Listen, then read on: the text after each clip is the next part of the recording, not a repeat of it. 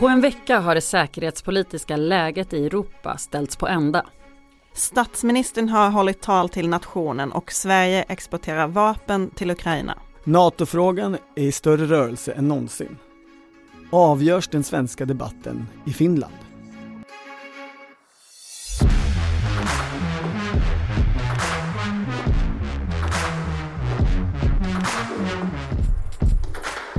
Det här är politiken med Maggie Strömberg, Annie Reuterskiöld och Torbjörn Nilsson. Igår kväll höll Magdalena Andersson tal till nationen med anledning av kriget i Ukraina och säkerhetsläget för Sveriges del. Eh, det är ju ovanligt men har blivit allt vanligare med tal till nationen i Sverige. Det säger kanske något om vilka kristider vi lever i.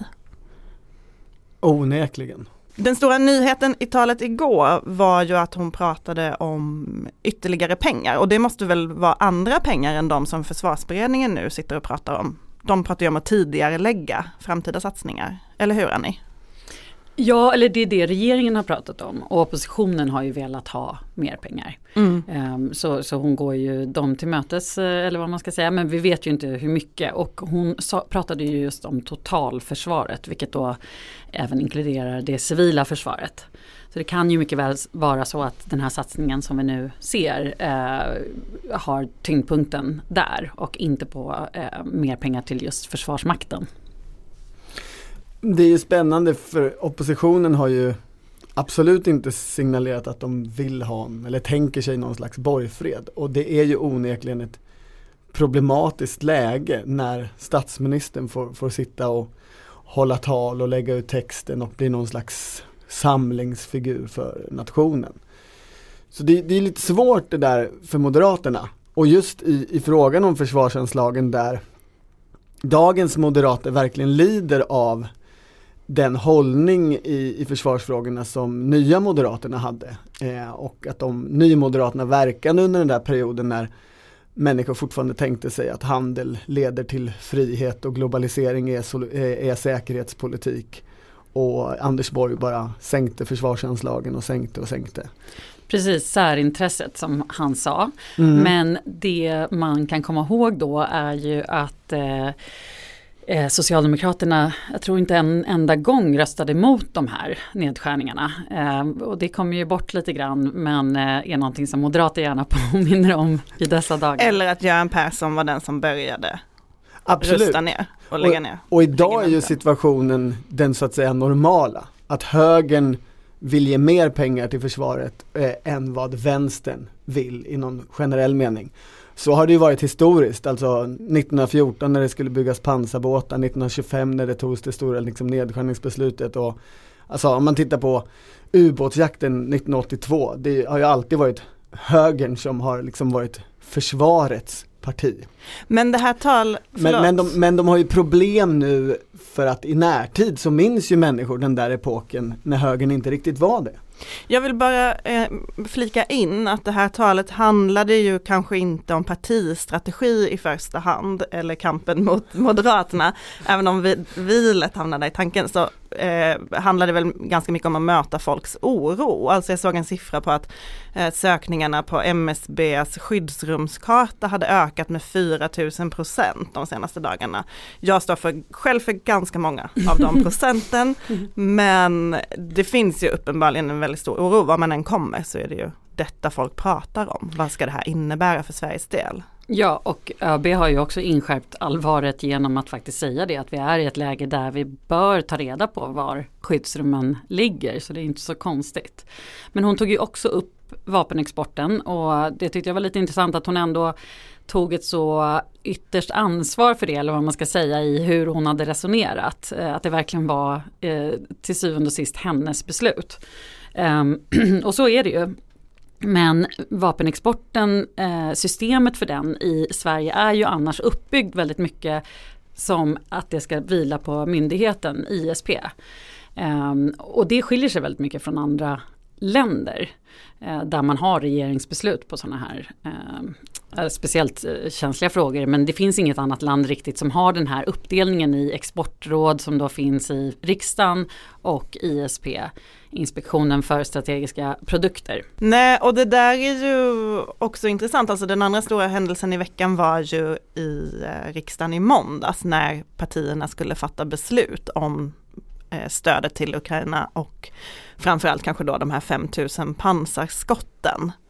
Eh, och pansarskott är ju som alla som har hört Ann Linde vet. Och det är helt enkelt, ja, det är som en lång grej som man har över axeln som man kan skjuta mot eh, tanks och så vidare. Och det där är ju egentligen inte, det är ju egentligen inte riksdagen som bestämmer om vi ska exportera det eller inte. Det, det handlar ju om att det behövde, alltså att det var en budgetfråga, att det fanns pengar här som gjorde att riksdagen behövde ta ett beslut.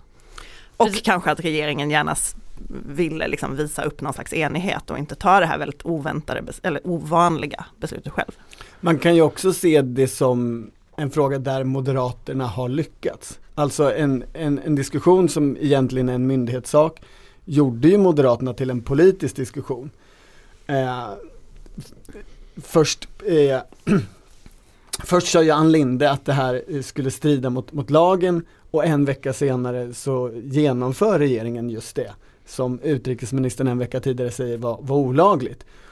Och det efter massivt tryck från, från Moderaterna och andra partier i riksdagen. Så det är ju en, en, framgång för Moderaterna, så går det också att se det. Ja. ja. om man ska nyansera det där lite grann, så om man ska vara rättvis mot henne då, så sa hon väl kanske inte att det var olagligt, men att det var väldigt svårt med den rigorösa regelverket. Och det är ju nästan lika osant eh, ändå. Eh, och även försvarsminister Peter Hultqvist gick ju runt i de där cirklarna och sa att det är upp till eh, ISP att bedöma och sådär. Det är ju väldigt symptomatiskt för hur vi pratar om det svenska vapenexportsystemet eh, eh, och reglerna. Eh, hur är det då? Vilka ja. regler gäller egentligen? Nej, men det, det, det, som man brukar prata om är ju den här skrivningen om att Sverige inte ska exportera vapen till länder som befinner sig i väpnad konflikt eller riskerar att eh, eh, befinna sig där. Nu sa jag ska, men det står bör i eh, lagtexten. Och det var en stor trätefråga i vapenexportutredningen som tog typ tio år. Eh, en vanlig utredningstid är ungefär runt två år, så där, bara det visar ju på liksom, hur känslig den här frågan är. Eh, men då vann den delen som ändå ville ha bör och det är ju svagare än ska. Mm. Eh, men bör förutsätter ju ett kan. Det, det går alltså om regeringen eh, tar beslut om det. Och när reglerna skärptes då fick regeringen också större möjlighet att faktiskt gå in och, och ta beslut. Eh, så så det, det, är ju dels det då att, att eh, det är ju ändå en huvuddoktrin i vapenexportreglerna eh, att vi inte bör göra det. Det är ju intressant för Magdalena Andersson, när hon fick frågor om det här förra veckan, då hänvisade ju hon till just den utredningen och att riksdagen i, i bred enighet hade skärpt reglerna ganska nyligen. Och då tyckte hon att det gjorde det svårare att göra den här typen av avsteg. Samtidigt så har vi ju sett nu under veckan att till exempel för Miljöpartiet som är väldigt starkt emot vapenexport så var ju inte det här ett problem alls. Det ledde ju inte till interna konflikter på något sätt att fatta det här beslutet. Jag blev förvånad av det faktiskt. Följa Jakob Dalunde, EU-parlamentarikerns Twitter var ju liksom nästan surrealistiskt eh, sett utifrån eh, synpunkten att eh, Miljöpartiet ändå springer från eh, fredsrörelsen. Eh, han postade väldigt mycket liksom vad ska man säga, krigiska inlägg. Det har ju skett något slags skifte i det där partiet. Det beror väl dels på att de personerna som en gång i tiden ägnade mycket tid åt att eh, driva frågan om en fredsminister, de har ju lämnat Walter Mutt och Annika Lillemets och det gänget. Ehm, men jag har noterat, dels som vi har pratat om tidigare så har ju Anders Schröder, den gamla försvarspolitiska talespersonen, kommit ut som eh, NATO-förespråkare eller liksom, mm. vill se ett medlemskap i NATO. Men jag såg även att deras eh, tjänsteman Magda Rasmusson, tidigare grön ungdomsspråkrör som har jobbat med de här frågorna och förhandlat dem när partiet satt i regering. Hon skrev ett långt Facebook-inlägg om att hon har ändrat sin syn på försvaret och frågan om nedrustning och att hon har lärt sig så mycket av att jobba med de här frågorna och det har förändrat henne. Och det där ser man ju hos ganska många som är liksom inne i frågorna på ett annat sätt, att de förändras. Men det här beslutet, vad, vad är det som är, är det ett exceptionellt beslut och var det ligger det exceptionella i sådana fall? Ja, det, är ju, det har ju inte hänt sedan 1939 när Sverige exporterade vapen till Finland eh, som hjälp mot Sovjetunionen. Så att på det sättet är det ju eh, otroligt eh, ovanligt. Men undantag har väl gjorts vid andra tillfällen? Alltså Absolut. till USA under Irakkriget till exempel. Det finns väl fler sådana exempel? Ja, och om man tittar på vapenexport eh, från Sverige så går ju den eh, till väldigt stor del till krigförande länder. Det handlar ofta om följdleveranser. Ehm, och Vad är följdleveranser för något? Precis, det, är att, det kommer från att man eh, att, att man på något sätt tyckte att det var rimligt att om, om ett land tog väldigt mycket tid och pengar på att köpa ett vapen från oss så blev det orimligt att de sen inte skulle kunna använda det när de behövde till exempel reservdelar. Men det handlar inte bara om reservdelar utan det handlar också om helt nya system eh, men, men likadana som vi redan har exporterat. Eh, så där faller ju lite den argumentationen kan jag ändå tycka. Och det som är intressant med följdleveranser det är att det Eh, argumentet tas ju alltid upp. Eh, att det är därför vi måste för att vi kommer få så dåligt rykte i omvärlden om vi bara plötsligt eh, stänger ner våra följdleveranser och sådär. Men det, det, verkar ändå vara ett ganska specifikt svenskt eh, begrepp. I alla fall om man pratar med eh, eh Svenska Freds som är ju väldigt eh, engagerade i den här frågan. De menar ju på att när de pratar med internationella partners som Amnesty till exempel, eh, stora Oxfam, stora organisationer, så har de som har följt eh, vapenexporten i över 20 år aldrig hört talas om följdleveranser. Eh, så att det där är också lite eh, en, ett tecken på hur vårt system är uppbyggt för att eh, möjliggöra export som vi säger inte är möjlig. Det känns när man tittar eh, på hela liksom försvarsfrågan utifrån om man inte är liksom lika insatt som du så känns det som att väldigt mycket fungerar på det sättet att man säger en sak men man kan också kringgå den Absolut. på olika sätt. Kristdemokraten Desiree Petrus eh, sa ju det när vapenexportutredningen eh, var klar.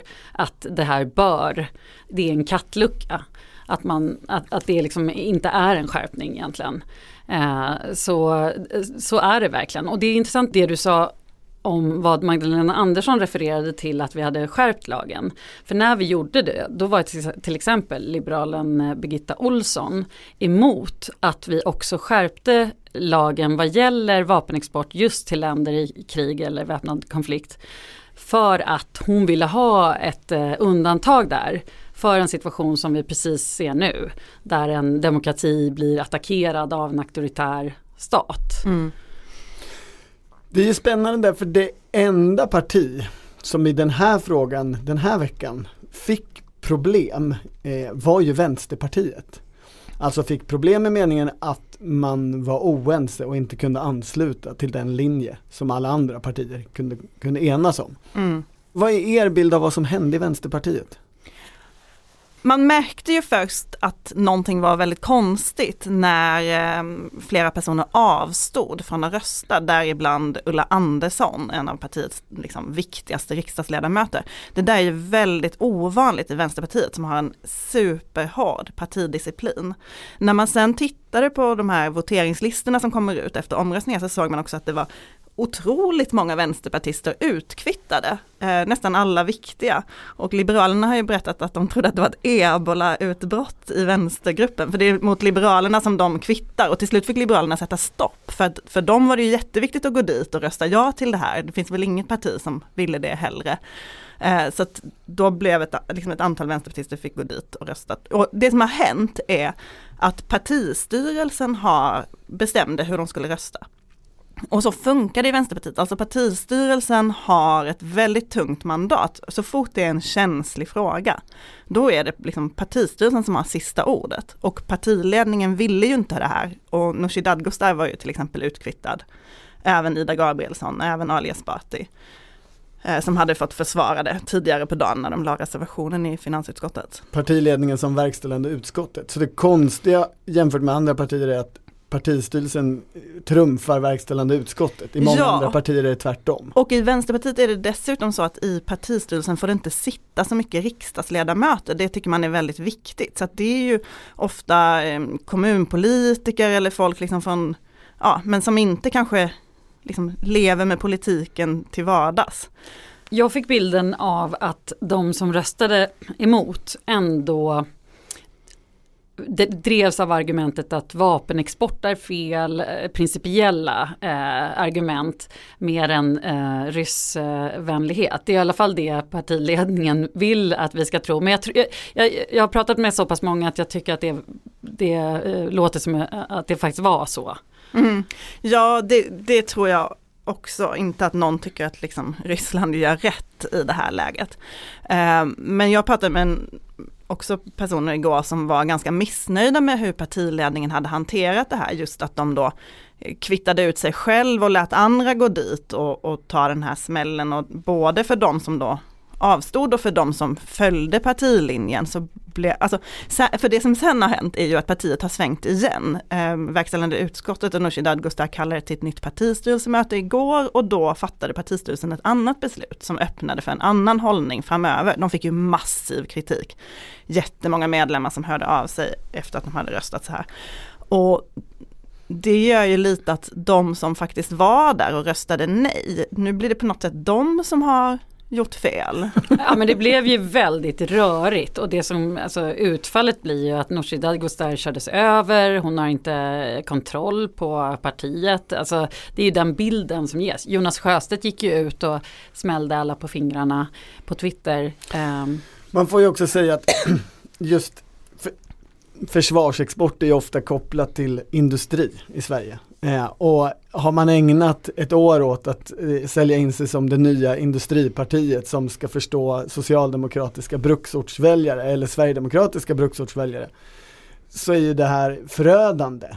Eh, och jag såg en socialdemokrat som twittrade att det, det, det här visar ju mer att eh, Vänsterpartiets partikultur mer påminner om Folkpartiets än om Socialdemokraterna. Och det är lättare för er att bli folkpartist, de nya folkpartisterna än de nya Socialdemokraterna. Vanligtvis gör den ju inte det, det är ju det som är grejen. Alltså de är ju så otroligt liksom eh, Alltså kollektivistiska, man ska följa kongressens beslut, du har in, väldigt lite utrymme att driva din egen linje. Precis, men det är, jag håller verkligen med om eh, att det, att det är förödande för partiet. För eh, det, det vi eh, nyligen hörde från eh, partiledningen var ju också det här med att vi ska inte prata för mycket om att man inte ska äta kött och vi ska, alltså en lite mer populistisk, om man ska säga så, linje. Eh, som, det här gick ju rakt emot den målgruppen. Men, men det jag tycker är lite intressant är att, att eh, den här populismdiskussionen, det här var ju ett, ut, alltså ett utfall som också visar på Vänsterpartiets eh, icke-populistiska drag. Alltså Mm. att man är ett parti som är väldigt principfasta och att det är väldigt svårt att flytta ett sådant parti i populistisk riktning. Mm. Och kanske ännu mer visade sig det i Europaparlamentet igår när Malin Björk röstade nej till den här resolutionen till stöd för Ukraina. Också efter att presidenten hade hållit tal i parlamentet. Ja, jag undrar, har de haft har de kommunicerat Nooshi Dadgostar och Malin Björk? För att alltså strategiskt så är det ju dödsstöten i det här läget skulle jag säga. Alltså när, när, hon, när, när Nooshi Dadgostar anstränger sig så fruktansvärt mycket för att, eh, förklara hur fel det eh, Putins agerande är och att Vänsterpartiet tycker som alla andra egentligen. Och så kommer Malin Björk och är en av få som inte undertecknar eh, resolutionen som fördömer. Som en eh, reporter på den här tidningen beskrev det, det var ju Malin Björk och sen var det ett gäng av de där som fortfarande har hammaren och skäran kvar som som röstade på det där sättet. Hon har ju själv motiverat det med att hon tyckte att den här tog för mycket ställning för NATO och att hon också tolkar den som att eh, den sa att Sverige och Finland borde gå med i NATO. Eh, det där håller inte, den tolkningen håller väl inte alla med om, men det är så hon motiverade. Ja, och man kan väl säga att eh, formuleringarna där eh, kan väl ganska lätt tolkas som att NATO är eh, Europas föredragna försvarsallians, ungefär så. Men det är ju heller inte så konstigt eftersom NATO bildades för att skydda Europa. Och, Eh, ja, men där tycker jag återigen man ser en stor skillnad på Vänsterpartiet och Miljöpartiets agerande. Eh, därför att det man, om man till exempel då har följt Jakob Dalundes eh, twittrande på sistone, eh, Miljöpartiets Europaparlamentariker, så ser man att de har en ny inställning till NATO. Där det inte är liksom där NATO inte är ett problem, där NATO inte liksom bidrar till osäkerhet, vilket ju tidigare har varit en hållning. Men om man ser till, om vi går tillbaka till Vänsterpartiet, jag ser ju att det här är extremt farligt faktiskt för dem som parti i ett valår. För om det är någon fråga som sitter djupt rotad tror jag bland väljarna så är ju den här kommuniststämpeln och den oavsett om det är sant eller inte aktualiseras ju av eh, just den här frågan. Så jag tror att partiledningen är extremt stressade eh, av det här. Vad tror ni? Mm, jag håller helt med och jag tror också det här säger någonting om stämningarna i Vänsterpartiet som har varit sedan Nooshi Dadgostar började liksom implementera sin strategi. Att det, det finns en känsla av att eh, man är toppstyrd. Alltså det var ju också bråk om listsättningen nyligen och det fi verkar finnas en väldigt stor oro i partiet trots att det går så bra. Om man ska hålla på med sådana ytligheter eh, en sån här vecka så får man ju säga att den här veckan har varit en riktigt presentrik vecka till Socialdemokraterna. Alltså det är ju Socialdemokraterna i första hand som hotades av Vänsterpartiets eh, potentiella framgång eh, med den här nya linjen. Det, det tog det ju avstanna nu och samtidigt får statsministern ett, ett utmärkt tillfälle att bli samlande gestalt i kontrast till eh, oppositionsledaren. Och Coronakommissionens slutrapport kom i skymundan eh, ändå, får man ju säga. Även om det fick lite rubriker så hade det ju sett annorlunda ut om det inte var krig.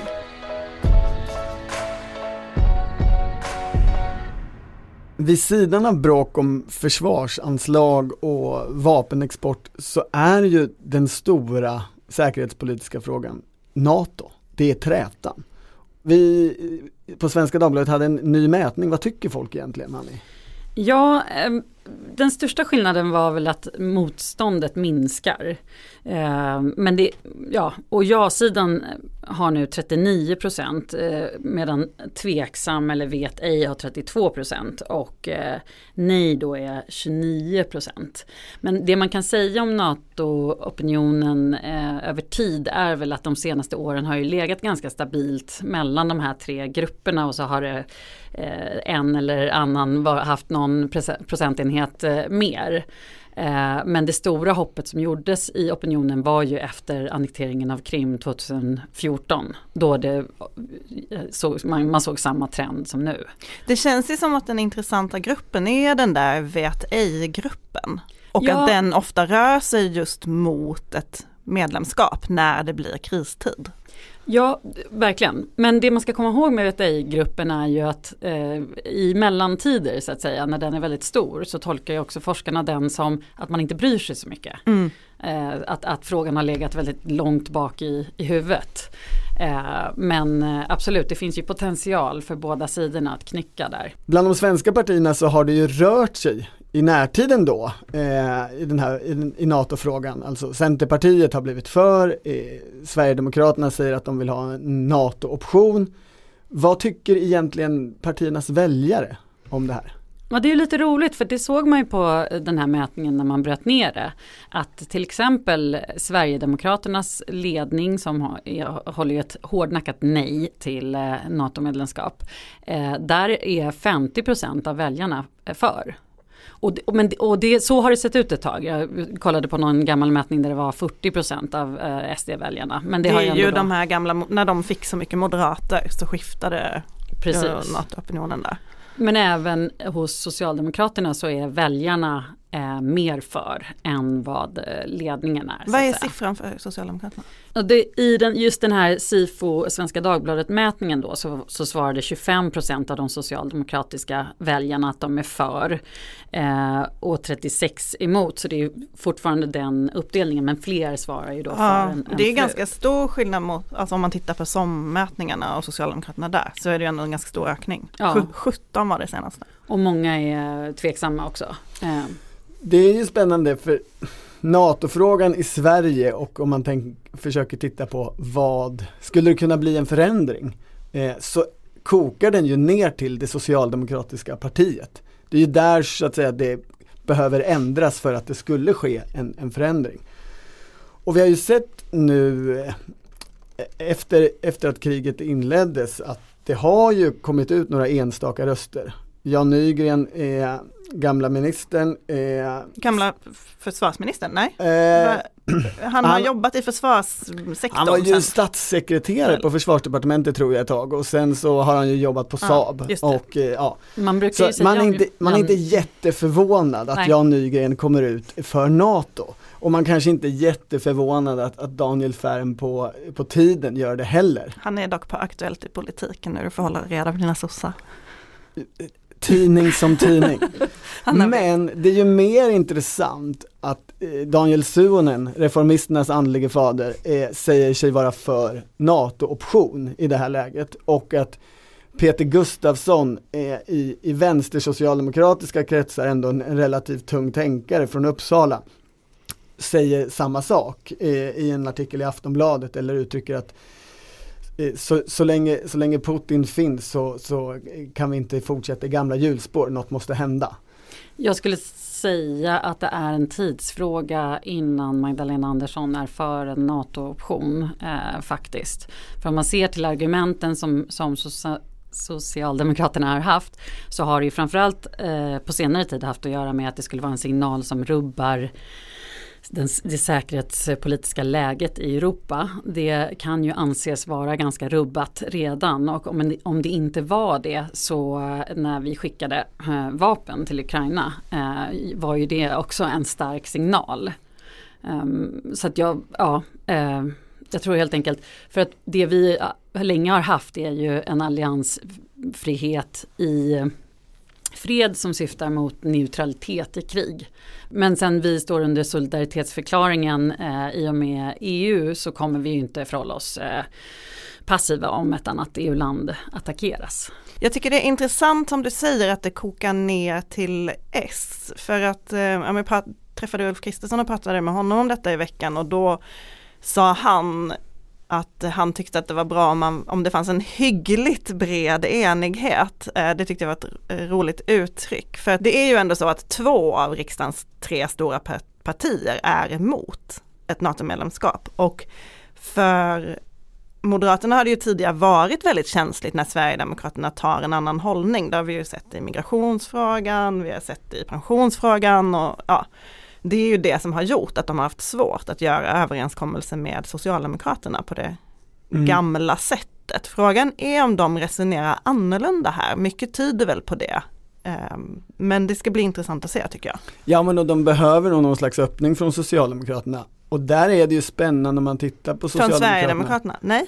Vad, vad, vad, ska hända med Sverigedemokraterna är min fråga. Ja, jag förstår, men Sverigedemokraterna kommer följa Moderaterna så långt det går och, eh, utan, att, och, utan att störa de gamla gräsrötterna för mycket tänker jag. Och Finland, det sa ju faktiskt Jimmy Åkesson i riksdagen när han var där ja. så länge sedan.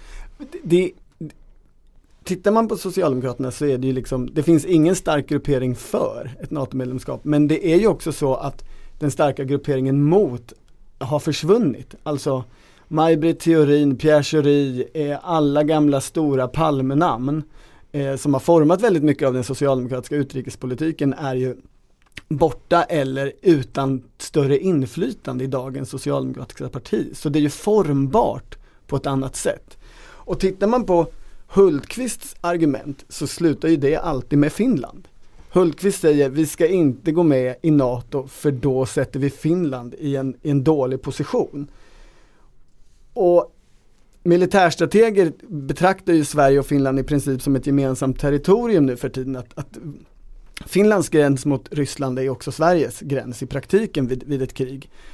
Och då borde man nog som politisk analytiker också betrakta svensk och finsk NATO-debatt som ett och samma kärl, eh, kommunicerande kärl eller till och med ett och samma kärl.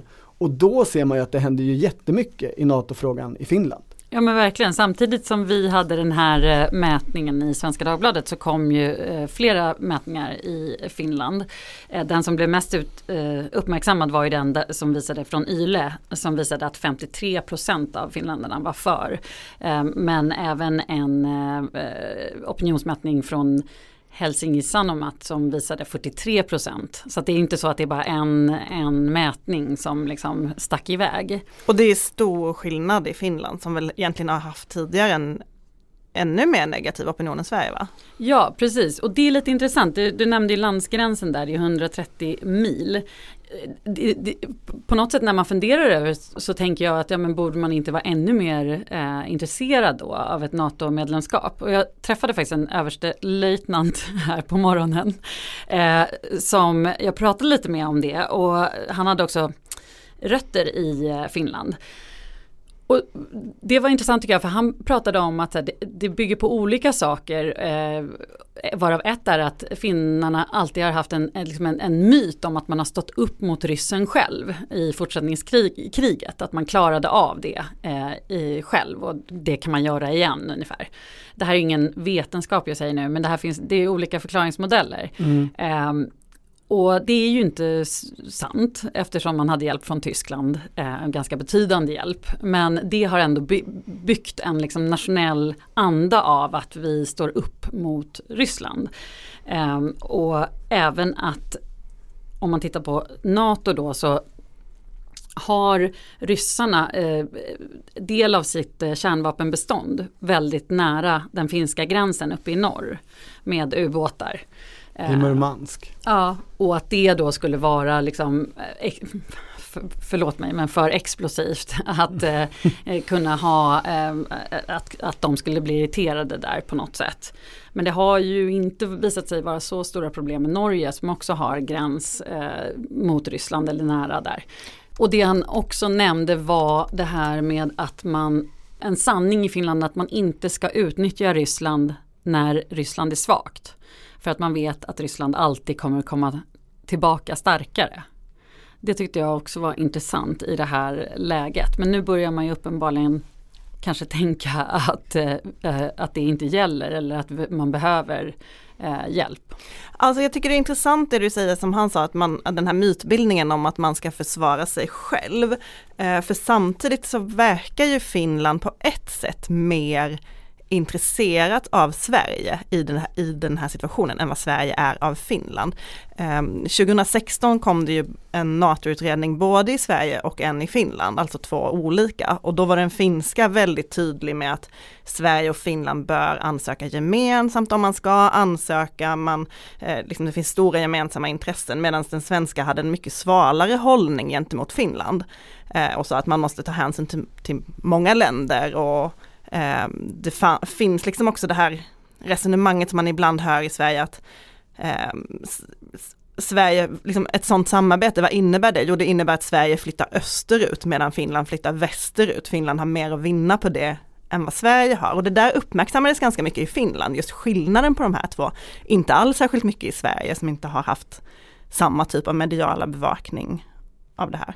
Och parlamentet, i eh, finska parlamentet hade man ju en debatt igår eh, om NATO-medlemskap och då eh, nämnde man faktiskt inte Sverige. Eh, vilket en korrespondent eh, uppmärksammade just att det bröt mot den traditionen som du eh, pratar om. Så det är ju också intressant att det är liksom nu kanske ett skifte även där. Att, att nu ser man till sig själv i den här hotfulla situationen.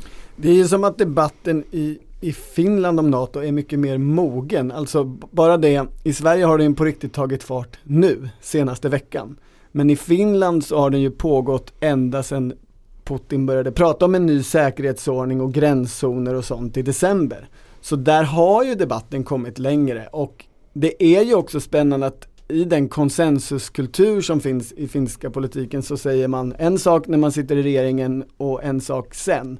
De senaste Alltså alla försvarsministrar de senaste 15 åren, och det är nog 5-6 stycken, har dri- hållit sig när de har haft ämbetet vid linjen av NATO-option och inte mer. Och sen när de har slutat så har de sagt att de är för NATO-anslutning. Så det finns ju någonting under ytan som rör sig i, i den finska NATO-debatten. Absolut och tydligast Eller har rört sig är, länge. tydligast just nu är det just det gröna partiet som på sin kongress i maj ska ta beslut om detta och där finns det ju väldigt tunga röster för att ändra linjen och vara mer för ett nästa liksom steget efter NATO-option. Ville Niinistö till exempel som eh, Europaparlamentariker och kanske mest känd i Sverige för att ha varit gift med Maria Wetterstrand. Eh, och han är ju också brorson till president Sauli Niinistö. Det är ju lite speciellt i Finland att utrikes säkerhetspolitiken sköts av presidenten i samråd med regeringen. Mm, jag trodde du skulle, skulle säga en släkt. Det roliga, är, Även det. det roliga är ju att den förre försvarsministern som samarbetade så bra med Peter Hultqvist heter ju Jussi Niinistö. Men han är inte släkt med de här andra två Niinistö. Men, ändå. men även i andra partier pratar man ju, alltså hör man ju då ett skifte i tonen. Centerpartiet till exempel sägs vara ganska splittrat. Eh, Ville Niinistö som vi pratade med i veckan tror ju själv på att det kommer komma en förändring väldigt snabbt i Finland nu och säger att uppmanar Sverige att förbereda sig på det. Nej men det är ju Centerpartiet och Socialdemokraterna som håller emot där. Det spännande med de grönas eh, förändring är ju hur de argumenterar. De, de argumenterar ju utifrån gröna värden som menar ju Ville Niinistö, alltså ska man värna eh, mänskliga rättigheter och friheter och demokrati i vår tid så måste man göra detta steg, menar eh, Ville Niinistö. Och eh, om det provocerar Ryssland, då, det är en senare fråga. Man kan inte stå passiv. Ville Niinistös farbror då, Sauli Niinistö, presidenten, Ja. han är ju inte grön politiker utan moderat. Eller Samlingspartist. Samlingspartist, precis. Och han, innan han blev president så var han ju för då ett NATO, en NATO-anslutning, men presidenten är ju traditionellt liksom mer opolitisk, eh, avsäger sig sitt partimedlemskap. Och han fick frågan i veckan om det här efter den här YLE-mätningen, att nu är det ju en så stor förändring i opinionen, vad innebär det? Ska vi söka medlemskap? Frågade en tv-reporter. Och då sa han, tyckte jag var väldigt intressant, att man måste komma ihåg att det lätt uppstår en känsla att NATO innebär att vi är i full trygghet. Eh, och att han sa att man kan förstå att folk längtar efter den känslan just nu. Eh, men att man också måste tänka på motåtgärderna. Mm. Och det, det där tycker jag också är jätteintressant för om man ser till Sveriges del så är det ju också intressant hur fria vi är i dagsläget om man säger så. Man, tittar på, alltså det brukar ju ofta vara argumentet att, eh, att man vill stå fri. Men eh, kolla bara på nedrustningsavtalet som Margot Wallström ville få igenom eller underteckna.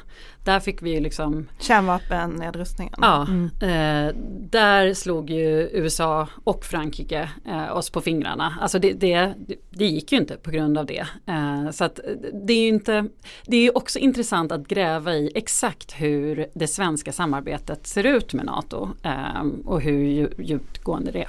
Det finns ju också den frågan som presidenten i Finland touchar att vad är NATO av idag? NATO har ju förändrats väldigt mycket, fått ma- massa fler medlemsländer.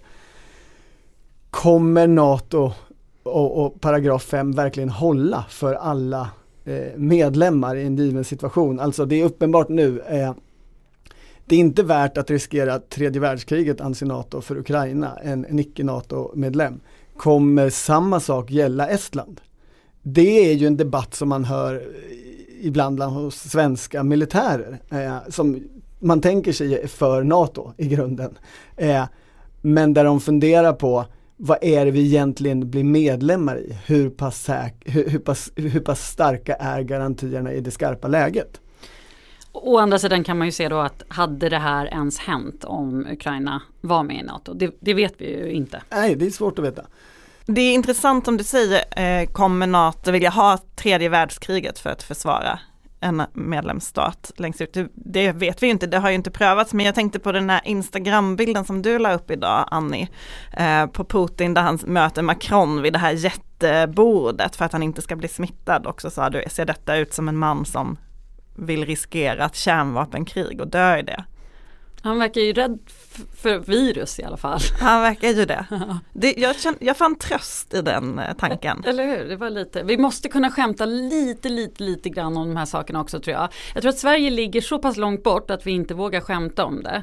Eh, eh, men alltså typ ukrainare, man, man hör ju om hur de skämtar om det hela tiden för det är liksom en försvarsmekanism hos människan. Och jag tror att det, vi måste liksom bryta igenom den väggen och faktiskt kunna skratta lite, lite grann åt det som händer också. För ett par veckor sedan så hade vi en frågepodd och där pratade vi en hel del om skidåkning och nu är det ju den riktiga Vasaloppsveckan. Och vi fick så enormt mycket reaktioner på frågan vilka politiker har egentligen åkt Vasaloppet? 90% var ju eh, folk som hade haft en bra tid som var sur att vi inte drog den. Typ alla centerpartister. Peter Hellander Mm. är kanske den som har den bästa tiden. Vad har han för tid då? Riksdagsledamot för Ja, men det, ja, jag kommer inte ihåg den i huvudet nu, Det det, är omöjligt. Men det, men det var ju runt fem timmar och så blir jag nu säkert sur om jag inte säger för att det var under fem timmar. Det kanske var under fem timmar. Det är ju, det är ju bra, det får man säga. Ja, och en som det kanske inte gick så bra för i eh, Vasaloppet var Karl-Petter Thorwaldsson, eh, minister för näringspolitik, eller hur? Ja, Det är hans, förra LO-ordföranden, numera minister. Han, eh, det var en eh, partikollega till honom som hörde av sig och berättade att och eh, hängde ut honom. eh, anonymt då under källskydd att eh, han försökte åka Vasaloppet men bröt vid första kontrollen. Han klarade med andra ord 10% av loppet. Och sen lite senare fick jag ett eh, meddelande till där det stod alltid lite orolig för vad detta säger om Kolles självbild. eh, jag har inte verifierat de här uppgifterna. Han kom till Smågan, det är ju Mm. den första kontrollen. Det är en brant backe först och sen är det, ju jätte, jättelång eh, tall eh, åskörning eller myrar. Vilket egentligen. otroligt taskigt tips ändå, är det inte det? Ja, i, i, i frågepodden så var ju jag eventuellt lite taskig mot Carl Bildt för jag sa att man kan se framför sig att Ingvar Carlsson eh, eh, har åkt Vasaloppet någon gång. Men det är ju otroligt svårt att se Carl Bildt framför sig åka Vasaloppet. Och då hörde en, en, en äldre moderat av, av sig och sa det är nog alldeles rätt att Carl Bildt har aldrig åkt Vasaloppet. Men han var en jävel på att åka skidor. Eller är en jävel på att åka skidor. Jag- Vi får väl anta att han fortfarande är det. Bland annat så ska Gösta Bohman, alltså tidigare moderatledaren och under en period också Carl Bildts svärfar, ha berättat att eh, Carl Bildt är råstark i skidspåret och eh, det är otroligt svårt att hänga med honom. Och då ska man komma ihåg att Bohman var ju atlet eh, i, sin, i hela sin eh, alfahanne-karaktär. Eh, Jag skulle precis säga, jag kan också tänka mig Carl Bildt på längd, men ja. Ja, och Carl Bildt själv ska ha kommenterat de här eh, längdskidsturerna med svärfarn med, med ungefär de här orden.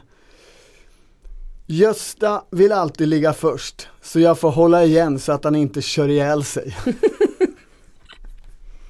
vet ni vem jag eh, också skulle kunna tänka mig i spåren?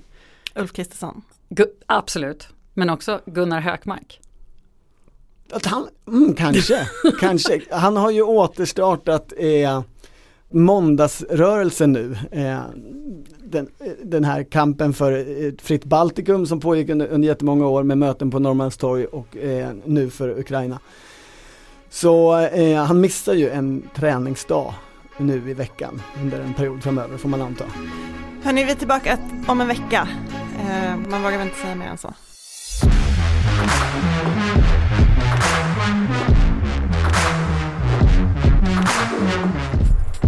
Du har lyssnat på Politiken, en podd från Svenska Dagbladet.